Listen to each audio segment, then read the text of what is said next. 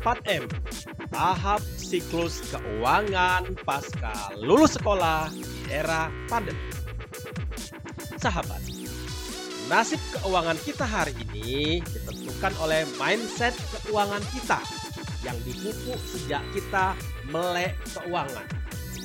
Minimal setelah menerima gaji atau komisi pertama kita.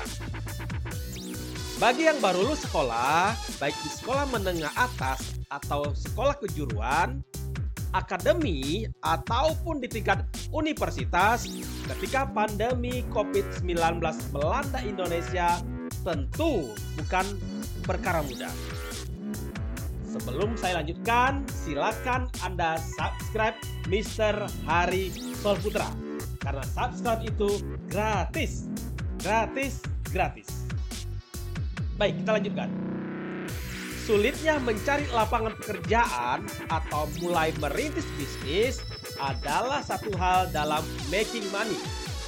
Di sisi lain, keeping money adalah hal tersendiri yang memiliki seni dalam menjalaninya.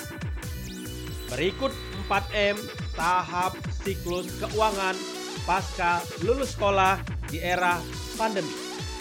Yang pertama, tahap magang keuangan. Periode baru lulus sekolah yang normalnya orang mendapatkan gaji atau komisi pertama di awal usia 20 tahun Adapun ujung dari orang bekerja atau berusaha adalah pensiun. Maka persiapan dana pensiun wajib dilakukan sedini mungkin.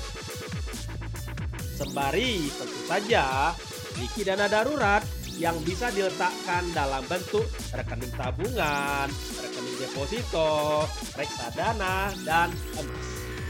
Ini yang kedua tahap mandiri keuangan. Di usia awal 30 tahun, biasanya para pekerja sudah menikah, beberapa bahkan menikah di usia sangat muda. Ketika menikah, otomatis meleburnya dua cara pengelolaan keuangan dalam satu wadah yang bernama rumah tangga. Normalnya, mereka sudah merencanakan atau sudah memiliki tempat tinggal yang produktif, bukan sekedar membayar cicilan KPR, perbaikan rumah, dan bayar pajak bumi dan bangunan. Dan yang tidak kalah pentingnya adalah memiliki dana pendidikan anak dan upgrade pendidikan mereka sendiri. Ini yang ketiga, tahap matang keuangan. Hidup saat usia 40 tahun berarti sudah memiliki kestabilan karir dan usaha. Saat ini sudah bukan tahap coba-coba lagi.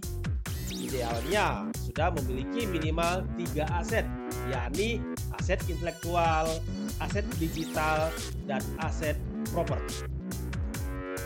Bentuk aset-aset di atas adalah aset aktif yang harus sudah berjalan bisa berarti bisnis suara laba atau berbasis sirka, properti, tanah dan kos-kosan, dan surat berharga lainnya. Ini yang keempat, tahap mapan keuangan. Pada usia 50 tahun, aset-aset yang sudah dibangun tadi harusnya sudah menjadi aset produktif yakni aset yang menghasilkan tanpa yang punya harus memaksakan bekerja secara aktif. Dengan tahap mapan keuangan hidup, insya Allah kenangan hidup akan lebih bisa dinikmati. Sahabat, siap menikmati proses dari siklus keuangan? Saya, Harisol Putra, Managing Director Wellflow 19 Teknologi, founder DOI Daya Optimasi Institute, motivator keuangan Indonesia. Terima kasih sahabat sudah menyaksikan video dan audio ini. Jika Anda setuju dengan pesan ini, silakan Anda subscribe Mr. Hari Sol Putra. Anda like, Anda komen, dan Anda share seluas-luasnya kepada relasi dan bisnis Anda.